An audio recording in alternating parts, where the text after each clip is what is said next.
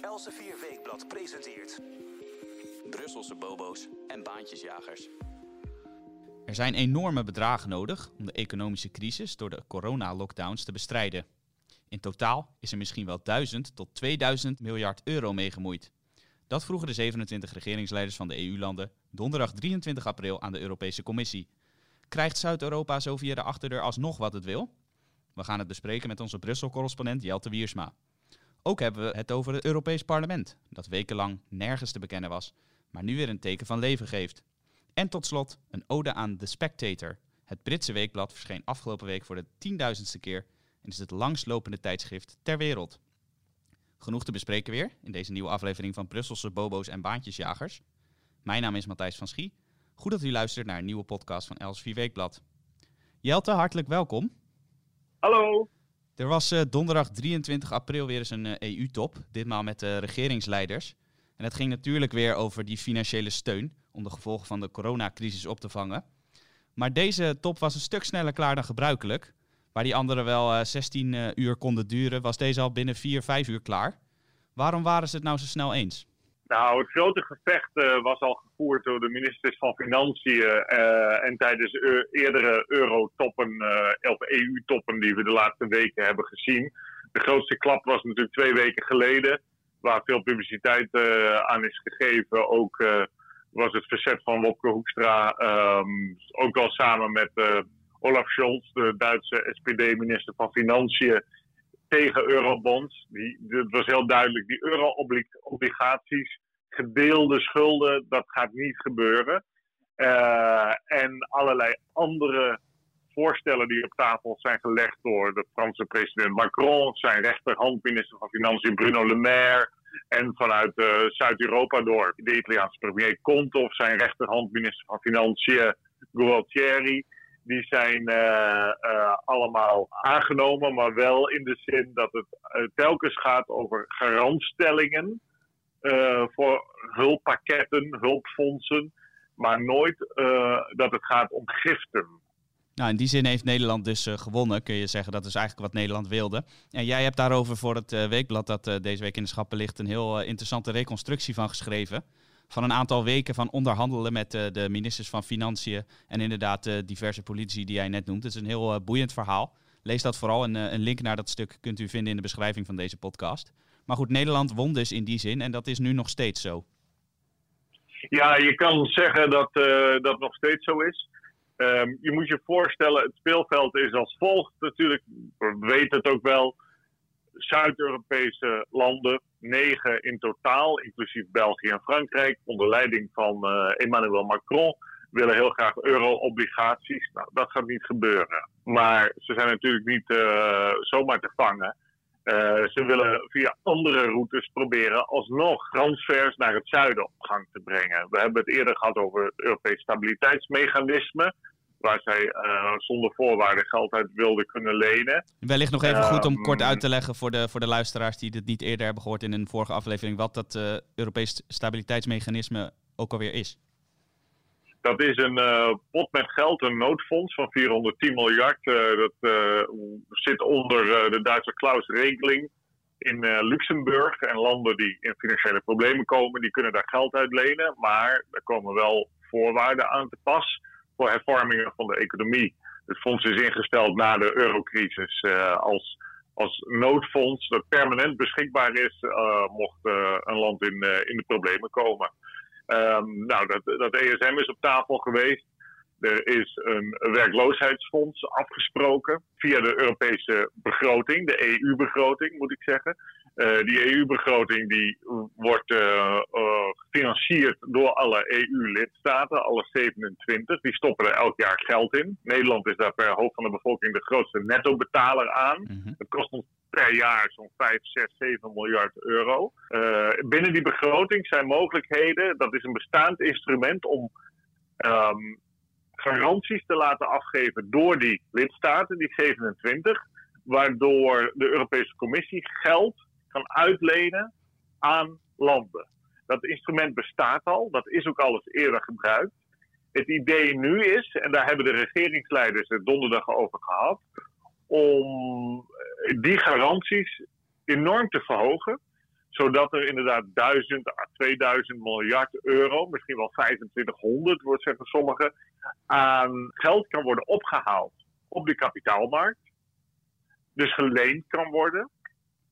En dat geld moet dan worden uitgezet om de economie een kickstart te geven na deze lockdown-crisis die we ervaren.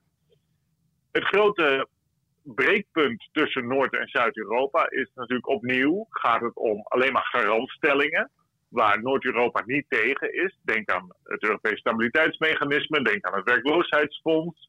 Uh, denk ook aan de garantstellingen die Nederland bijvoorbeeld geeft aan de Europese Centrale Bank, die daardoor geld kan bijdrukken en staatsobligaties en bedrijfsobligaties zelfs kan opkopen. maar hier gaat het om de strijd tussen Zuid en Noord, waarbij Zuid wil dat die garantstellingen die gedaan worden door de nationale lidstaten aan de commissie, dat dat uh, niet alleen gedaan wordt voor leningen voor 1000 tot 2500 miljard euro, maar dat, dat uh, een deel in ieder geval, misschien wel alles, in de vorm van giften wordt uitgegeven. En dat willen nou. natuurlijk de noordelijke landen niet, zoals uh, Nederland, maar ook kleinere landen in Noord-Europa, Duitsland misschien wel, die willen daar natuurlijk niet aan.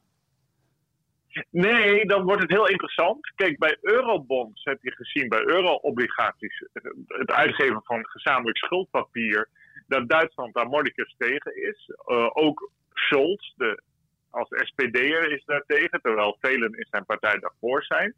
Maar Duitsland schuift wel, en dat heeft Angela Merkel, de bondskanselier, al voor de eurotop uh, gezegd, op het gebied van het noodfonds, waar dus nu aan gewerkt wordt, dat 1000, 2000, 2500 miljard euro moet gaan uh, begroten, uh, dat een deel daarvan een gift moet zijn. Dus Merkel die zegt, ja, ik beweeg toch, want ze zegt het is in het Duitse belang dat het met iedereen, alle landen in Europa goed gaat. En daar splijt het noordelijke kamp zich. Als je kijkt naar de houding van Nederland, inderdaad, je noemde het terecht Zweden, Denemarken, Oostenrijk. Want die willen dat absoluut niet. En uh, als je ziet hoe hard de positie ook is van, van uh, premier Mark Rutte, dan is dat toch wel opmerkelijk. Hij had de dag voor de Europese Raad op donderdag, dat was dus op woensdag, een debat met de Tweede Kamer daarover, zoals altijd. De Tweede Kamer probeert dan altijd ervoor te zorgen dat de premier of een minister zoveel mogelijk ingesnoerd wordt en in Brussel geen dingen gaat doen die zij niet willen. En de Tweede Kamer heeft heel fel gezegd: uh, er kan geen sprake zijn van giften aan Zuid-Europa, alleen maar van leningen hooguit. Ja, nou uh, zeg jij net al terecht, zoals altijd eigenlijk uh, drukt de Tweede Kamer hem inderdaad op het hart om voet bij stuk te houden. En dat heeft hij dan dit keer zo te horen ook gedaan. Dat is vanuit Nederlands aspect, lijkt mij althans ook vanuit ons perspectief, een, gunstig iets. Maar nou is het zo, jij zegt al, Duitsland begint misschien een beetje te, te draaien. Kunnen wij dan wel met die landen die jij ook noemde, dus Denemarken, Oostenrijk, Zweden, kunnen wij dan wel tegen de, die Duitsers opboksen straks als die echt helemaal kantelen? Jazeker, elk land heeft een veto. Dus elk land kan zeggen, ja, dat doen we niet. En elk land kan ook zeggen, nou, wij doen niet mee. Maar als anderen dat graag willen, zo'n noodfonds opzetten, dat kan natuurlijk prima je kan natuurlijk buiten, zelfs buiten het framework, het raamwerk van de Europese Unie omgaan. Ja, dat zijn die opt-outs die jij vorige week noemde. Ja, opt-outs is dat, dat je zegt van tevoren van nou, good luck jongens, uh, veel succes.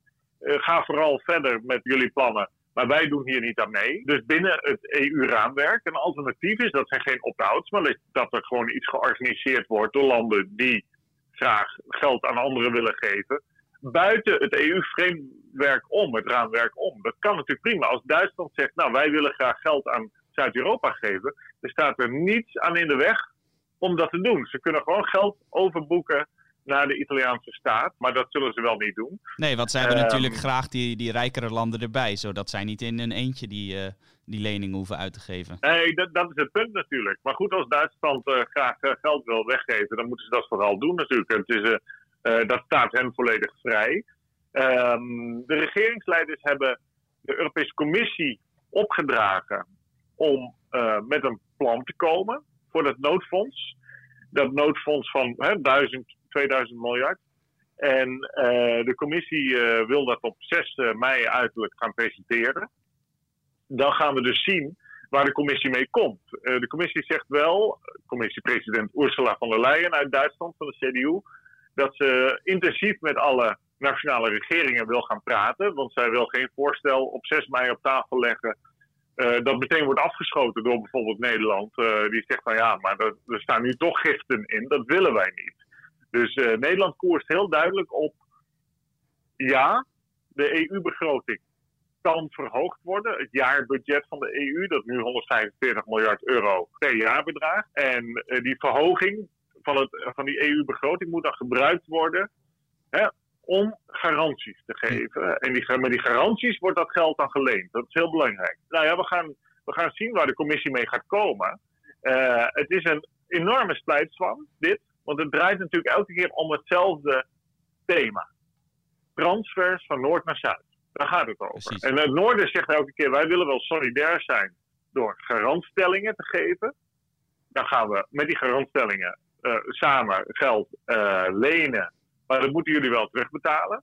Maar dat is iets anders, uh, zou je kunnen zeggen. Al noem ik het soms wel euro-obligaties via de achterdeur. Het is toch wel ietsje anders dan dat je gezamenlijk schuld gaat uitgeven. En uh, ja, die splijtswam die tussen Noord en Zuid die blijft bestaan. En ik denk niet, ook al beweegt Duitsland wel enigszins, dat Rutte en Hoekstra het kunnen maken om hierop te gaan draaien. Nee, ze hebben nu eh, zo hard uh, positie gekozen in het publieke debat en inderdaad ook tegenover hun Europese collega's dat ze zich bepaald niet geloofwaardig zouden maken als ze nu toch weer terugkrabbelen. Nee, zo is het. En zeker ook in de Kamer hebben ze uh, natuurlijk keihard hun positie neergezet. von der Leyen die heeft al allerlei voorstelletjes gelanceerd. En Mark Rutte noemde dat in de Kamer op woensdag een feestcommissie op zoek naar een feest. Nou, dat is wel pittig hoor. Dat heeft hij wel eens eerder genoemd over het Europees Parlement. Daarmee bedoelde hij dat het een politiek lichaam is, het Europees Parlement, dat eigenlijk niks te doen heeft, dat het irrelevant is, dat geen macht heeft. Dat op zoek is. Uh, het is een beetje zoals.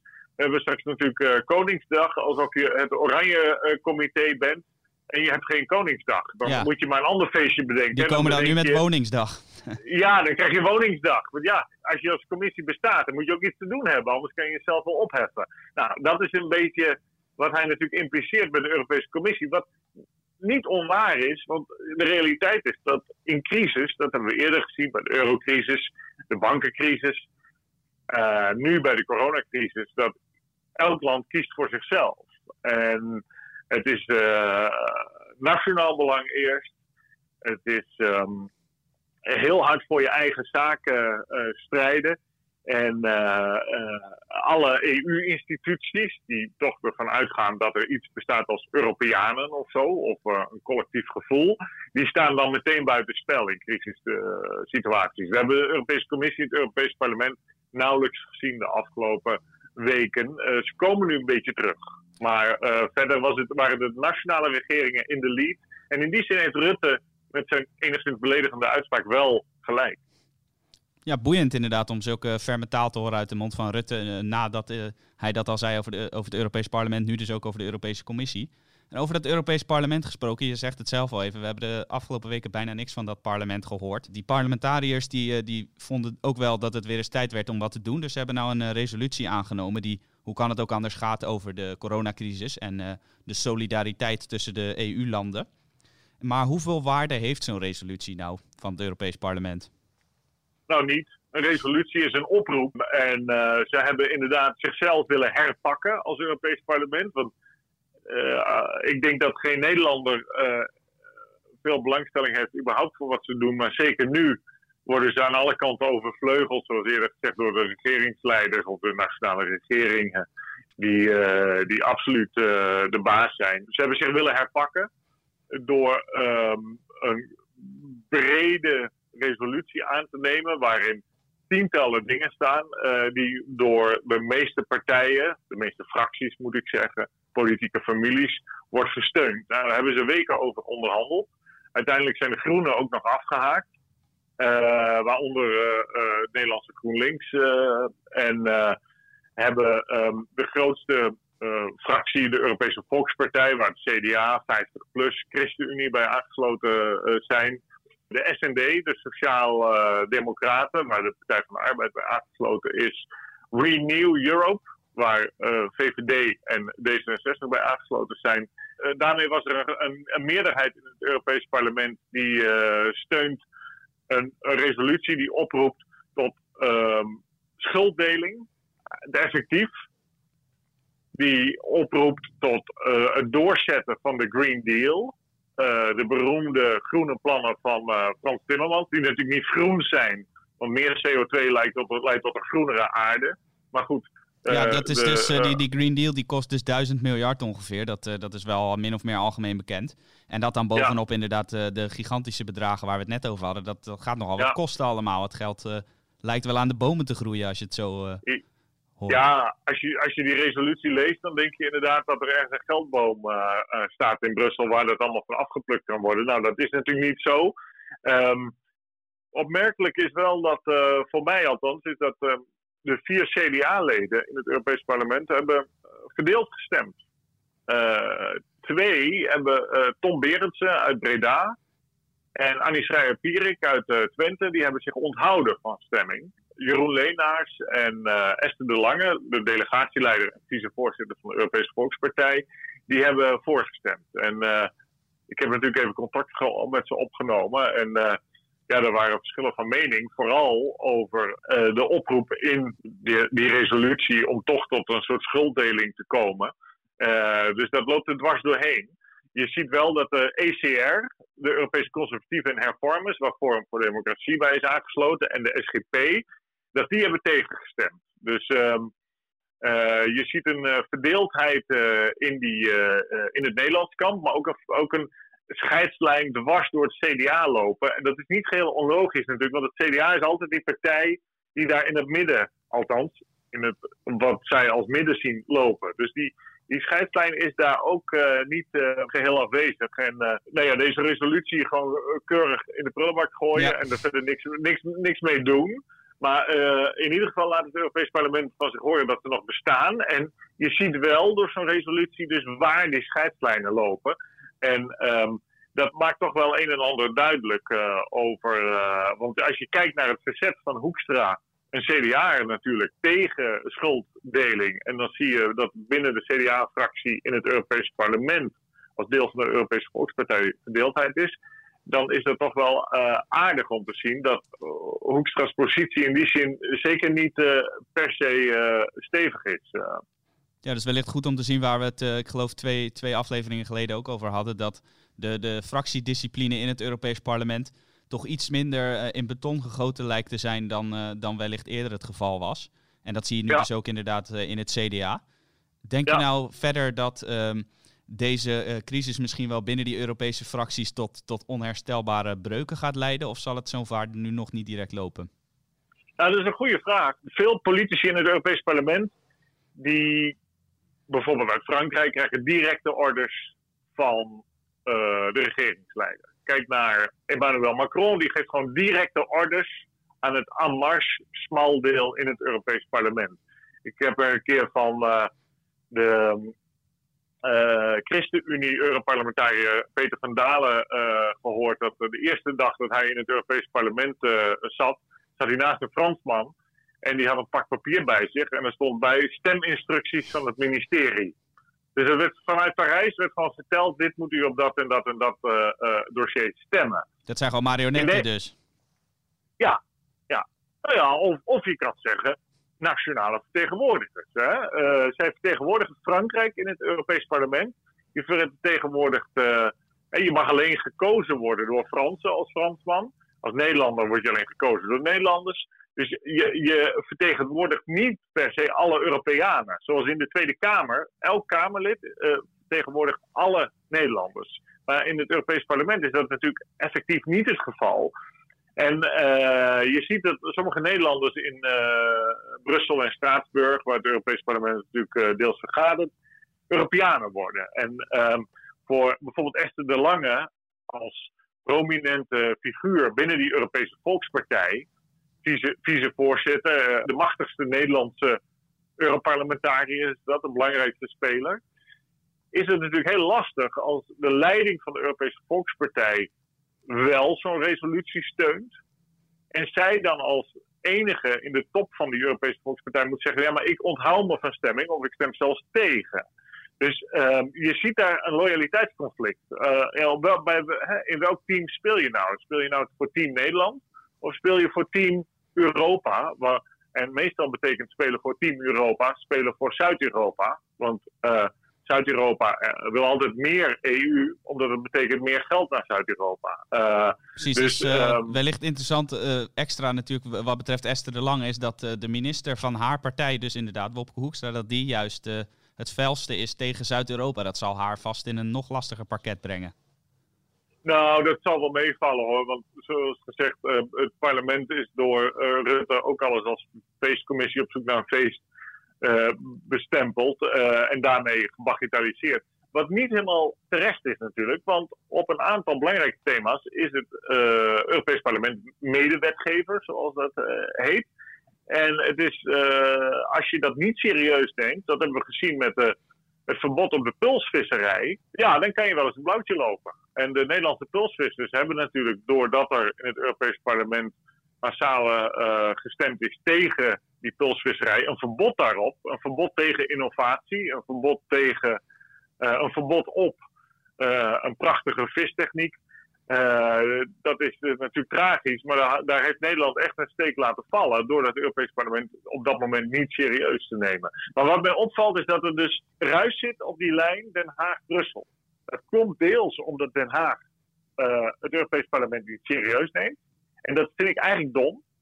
Zoals gezegd, die pulskorfvissers zijn daar een voorbeeld van. De Fransen doen het wel. Ja. En de Fransen doen het wel. En twee, ik vind het gek dat partijen zoals het CDA mensen naar Brussel sturen en naar Straatsburg, die niet, eh, ik zou zeggen, steminstructies aannemen vanuit Den Haag. Want uh, je moet keihard vechten voor je nationale belang. Dat doen, dat doen de Fransen, dat doen de Duitsers, dat doet iedereen. En als uh, Nederland dat niet doet, ja, dan, dan verlies je wel eens. Dus uh, slordig, ook binnen die partijen, slecht georganiseerd. Dat je niet die uh, regie vanuit Den Haag in handen neemt en zegt dit en dit en dit moet er gebeuren. Bij de VVD is het meer gebeurd. Bijvoorbeeld, er zijn een aantal mensen, zoals delegatieleider Malik Asmani, naar Brussel gestuurd. En die is daar specifiek naartoe gestuurd om ervoor te zorgen dat één, D66 binnen die Renew-fractie, waar ze samen met Emmanuel Macron's Amarge in zitten, wordt koud gesteld. Dat was toch het idee haal Sophie in het veld, die altijd vice-fractievoorzitter was, achter Guy Verhofstadt, de tweede machtigste in die fractie.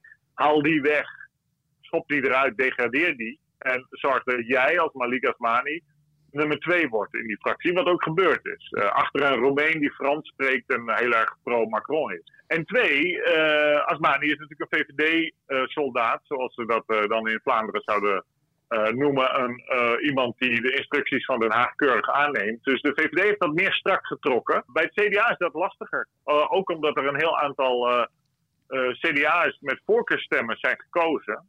En die staan dus eigenlijk los van die partij. Dat is wel interessant.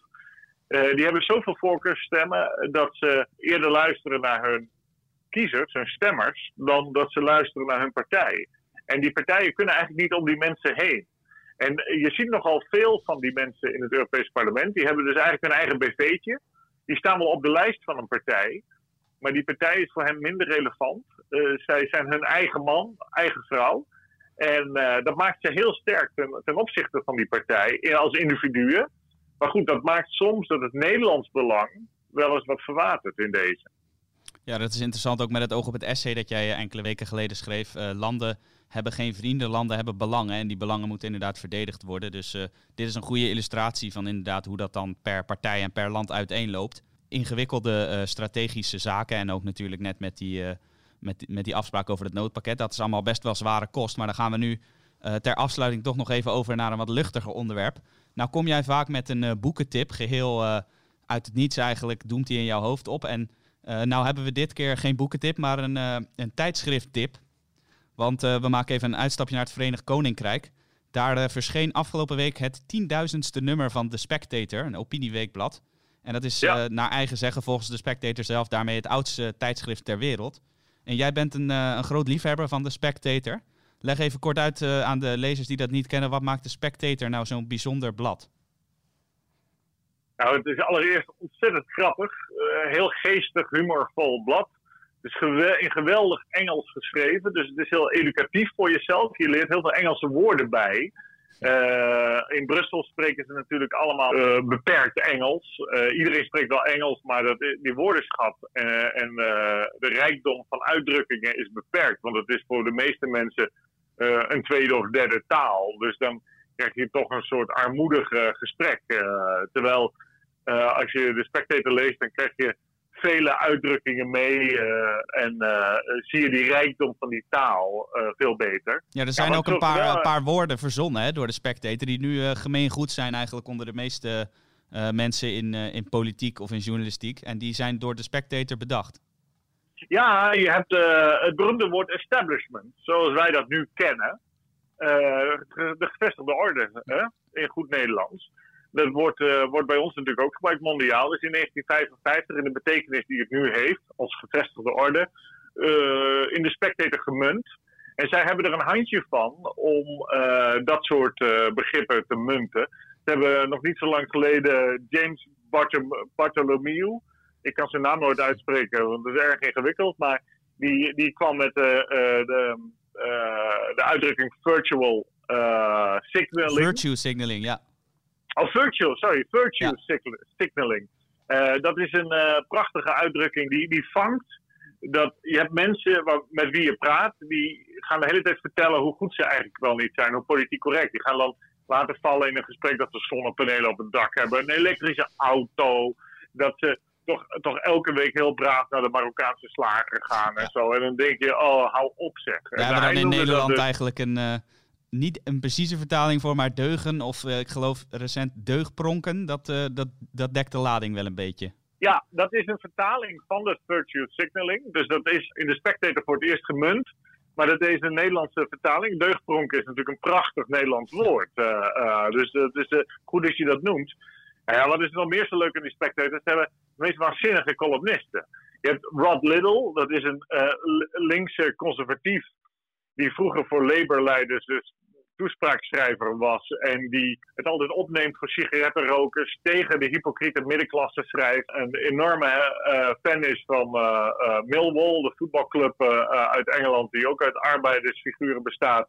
En werkelijk bij hilarische stukken schrijft. Hij, hij, zijn, een van zijn laatste columns ging over dat roken juist goed is tegen corona.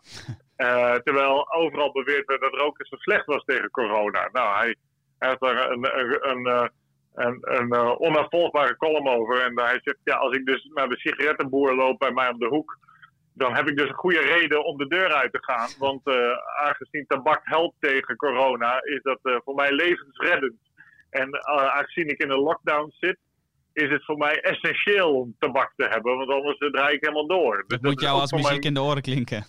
Uh, voor mij als sigaretten en sigaren roken klinkt dat inderdaad als muziek in de oren. Ja, dat vind, vind ik heerlijke verhalen. En je hebt natuurlijk Taki. Die, de, Taki uh, is een, een stokoude Griek, Griekse Amerikaan. Die, die uh, zoon is van een um, scheepsmagnatenfamilie en heel veel geld heeft geërfd. En die is um, sinds 1977 columnist voor de Spectator. En hij woont half in gestaat in Zwitserland, half in uh, New, New, York. En hij woont deels in Londen. Of hij verblijft daar af en toe. Maar uh, hij, hij, schrijft ook de meest waanzinnige columns onder de titel Lof voor de Weermacht. En dan bedoelt hij dus de Duitse Weermacht en zo. En het, het ene is nog grappiger dan het ander. En ze zijn allemaal hyper intelligent, die mensen die voor het blad uh, schrijven. En het zijn allemaal mensen die ook alles altijd in twijfel trekken, overal de gek mee eh, hebben. En eh, ja, ehm, ik, lees, ik geloof hier een stuk of tien bladen thuis waar ik op geabonneerd ben. En, en ook nog een aantal kranten. De Spectator is wel een van de eerste die ik altijd van de stapel grijp. Ja, jij noemt net twee, twee leuke columnisten, Rod Liddell en Taki. En het grappige is dat die, eh, als ik het zo hoor, tenminste toch wel in twee totaal verschillende werelden verkeren. Die Rod Liddle, dat dat echt een, eh, een nationalistische Brit is. En Taki wat meer een, uh, een globalistisch man van de wereld figuur is. En dat tekent volgens mij ook, als ik jouw stuk heb gelezen, dat ook op de site staat over de Spectator, dat er een enorme diversiteit van opinies heerst bij de Spectator. Velen zullen het blad natuurlijk zien als echt een, een rechtsconservatief blad. Maar dat is helemaal nog niet zo zwart-wit, hè? Nee, dat is echt onzin. Dat, als je kijkt naar het Brexit-debat bijvoorbeeld, de hoofdredacteur is een Schot, Fraser Nelson, en die, die, dat is een eurofiel die heeft zich uiteindelijk uh, laten overtuigen om toch op de omslag te pleiten voor Brexit. Maar met een iconisch beeld, een, een vlinder in de Britse vlag die uit een doos komt met daarop de Europese vlag en ontsnapt uit die Europese doos, uit die Europese gevangenis. En uh, de, de, titel was Out and Into the World.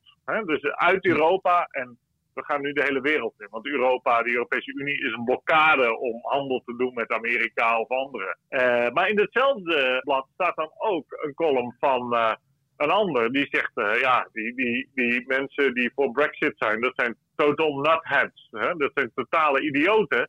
En die moeten zo'n beetje allemaal geëxecuteerd worden. Dus dat staat in één en hetzelfde blad. Hè? Dus ja. je komt van alles tegen altijd daar. En de eerder genoemde Rod Little is, is echt een linkse jongen. Hè? Uh, maar wel een linkse jongen in de klassieke zin. Een beetje zoals Drees dat was. Dus nationaal georiënteerd. Een echte sociaaldemocraat uh, dus, van, uh, van de oude stempel. Ja, een klassieke, een klassieke precies. Een sociaaldemocraat van de oude stempel inderdaad. Het is voor mij altijd geweldig verrijkend om al die opvattingen te lezen. En ze hebben, de helft van het blad bestaat ongeveer uit recensies van boeken, films, opera, theater kunsttentoonstellingen, maar ook het gaat ook over paardrijden en sport een beetje. Zo hartstikke informatief. Ik pik daar heel veel boeken altijd uit. Vandaar die boekentips uh, inderdaad elke week hier. Ja, nou, deels, deels uh, is, komt dat wel eens daaruit, maar niet altijd hoor. Uh, maar dat is werkelijk wel heerlijk om te lezen. Ze zijn in 1828 opgericht, door een schot ook, in Londen, die de meest perfecte krant wilde maken. En ze hebben dus nu uh, 100, uh, wat, wat, zijn we nou? 192 jaar, 193 jaar verder. hebben ze, oh 73, sorry. Hebben ze um, hun tienduizendste nummer gedrukt op donderdag of uitgebracht. En zij claimen inderdaad het, meest, het langstlopende weekblad in de Engelstalige wereld te zijn. Hè? De Engelstalige wereld. Uh, en uh, en uh, ja, hun oplage is de afgelopen jaren, na moeilijke jaren 70 en 80, door het plafond gegaan. Dat is ongelooflijk. ze hebben nu inmiddels meer dan 90.000 gedrukte bladen die ze elke week verkopen. En dat heeft een geweldige stijgende lijn gehad. Dat was een paar jaar geleden 70.000 en dat was al een record. Dus ze verkopen meer bladen dan ooit. En ik snap ook wel waarom, want de kwaliteit is uh, werkelijk wel fenomenaal. We hebben ook Douglas Murray, die geassocieerd hoofdredacteur is, die ik goed ken ook, die ik geïnterviewd nog heb voor het artikel wat we bij Elsevier op de site hebben. Uh, wat mij betreft een, een uh, naast Elsevier een aanrader. En wat zo goed is aan de Spectator, als laatste is natuurlijk wel belangrijk om te noemen. Juist omdat het nooit gelieerd is aan een politieke partij geweest, ook niet aan een kerk of aan een vakbond of anderszins, heeft het een overeenkomst met Elsevier. Uh, ons blad, het blad van de lezers, zegt de hoofdredacteur uh, Arendo Joustra. En de luisteraars de lezers. ook. En de luisteraars, zo is het. Heel goed. Dat blad Elsevier is nooit gelieerd geweest aan een zaal in Nederland. Nooit aan uh, de katholieke kerk of de protestantse kerk of, of aan een vakbond of een politieke partij. En die gebrek uh, aan uh, binding met een zaal zit heel diep in het DNA, waardoor er altijd ruimte is om te denken. Terwijl je ziet bij veel media die ooit geleerd zijn geweest aan een zaal, of gewoon een clubblad waren van die zaal, dat ze misschien wel hun opvatting veranderen, maar in hun DNA zit dat ze bij een team horen. Dus, en zij wisselen gewoon van team. Dus de, de Volkskrant bij wijze van spreken was een katholiek dagblad en nu is het opeens een, een, een soort GroenLinks eh, dagblad. Maar ze zijn altijd lid van een team op een of andere manier. Dat zit in het DNA van die clubs om, om of, of dat ze media om ergens bij te willen horen, lijkt het wel. En daar, uh, uh, daar heeft de spectator geen last van, daar heeft Elsevier ook geen last van. dat zijn dus altijd vrijplaatsen van denken, waar je volstrekt contraire opvattingen vindt. En dat is voor mij uh, zoals een vrije samenleving behoort te zijn. En daar is de spectator een icoon van, wat mij betreft. Ja, heel boeiend om te zien dat zo'n blad inderdaad zo goed loopt. dat is inspirerend. En jij zegt inderdaad, de Spectator is onafhankelijk niet gelieerd aan een partij. Maar er hebben wel degelijk allerlei politici voor geschreven. En misschien wel de beroemdste is natuurlijk op dit moment Boris Johnson, de huidige premier. Die heeft ook voor de Spectator geschreven. Ja, het is toch wel bijzonder om te zien dat er zoveel invloedrijke figuren voor de Spectator hebben geschreven en nog steeds schrijven. En maar toch slagen ze er dus in, ondanks bijvoorbeeld banden met de premier of met eerdere premiers, om onafhankelijk te blijven. Dat, dat is best een, een ja, prestatie. Je moet, je, je moet je voorstellen dat in het Verenigd Koninkrijk schrijven, schrijverschap, taal heel hoog in aanzien staan. En van de 35 premiers die uh, hebben gediend in de periode dat de Spectator bestaat, sinds 1828, hebben liefst 24 voor het blad geschreven. Maar ook heel veel ministers hebben voor het blad geschreven, lagere huisleden. Boris Johnson was hoofdredacteur uh, van de Spectator vijf jaar lang. En deels was hij tegelijkertijd op dat moment ook parlementslid. En dat loopt allemaal door elkaar heen. Maar ze hebben altijd auteurs gehad van alle hoeken. Uh, ze hebben hoeveel Nobelprijswinnaars, had ik ook alweer opgeschreven. Ze hadden ook nog 16 Nobelprijswinnaars, geloof ik, onder hun auteurs. Ja, dat valt uh, allemaal terug te lezen op de site, inderdaad. Veel, veelal in, in de schrijverssfeer. En je ziet in het Verenigd Koninkrijk dat, dat die interactie tussen media, auteurs van boeken enzovoort en, en politie, de politieke klasse heel groot is. Elke politicus in het Verenigd Koninkrijk is eigenlijk een journalist en een schrijver en andersom. Uh, dat vertelt ook heel veel over dat land in die zin. Dat uh, in Frankrijk zijn mensen in de politieke klasse meestal ambtenaren, leraren, dat soort achtergronden zie je daar veel meer. Dat schrijverschap, dat, dat gaat altijd samen met uh, politiek. Maar dat heeft altijd losgestaan van één partij. Want je hebt mensen van de, die op liberaal-democraten stemmen, op de Groenen, op de uh, Labour-partij, Sociaal-Democratische Partij, die ook bestaat, en de Conservatieven. Dus het loopt allemaal door elkaar heen. En Boris Johnson was soms uh, spijkerhard aangepakt hoor. Uh, Rod Little die noemt Johnson af en toe ook een idioot. Dus zo, zo, gaat dat dan ook weer. Dus um, um, ik zou. We hebben een andere politieke cultuur in Nederland. Dat, dat is net iets minder hard, zou ik zeggen. Maar, uh, en, en ook minder schrijfachtig. Wij hebben relatief weinig schrijvers. Uh, Thierry Baudet is natuurlijk een man die een aantal boeken heeft geschreven, veel artikelen.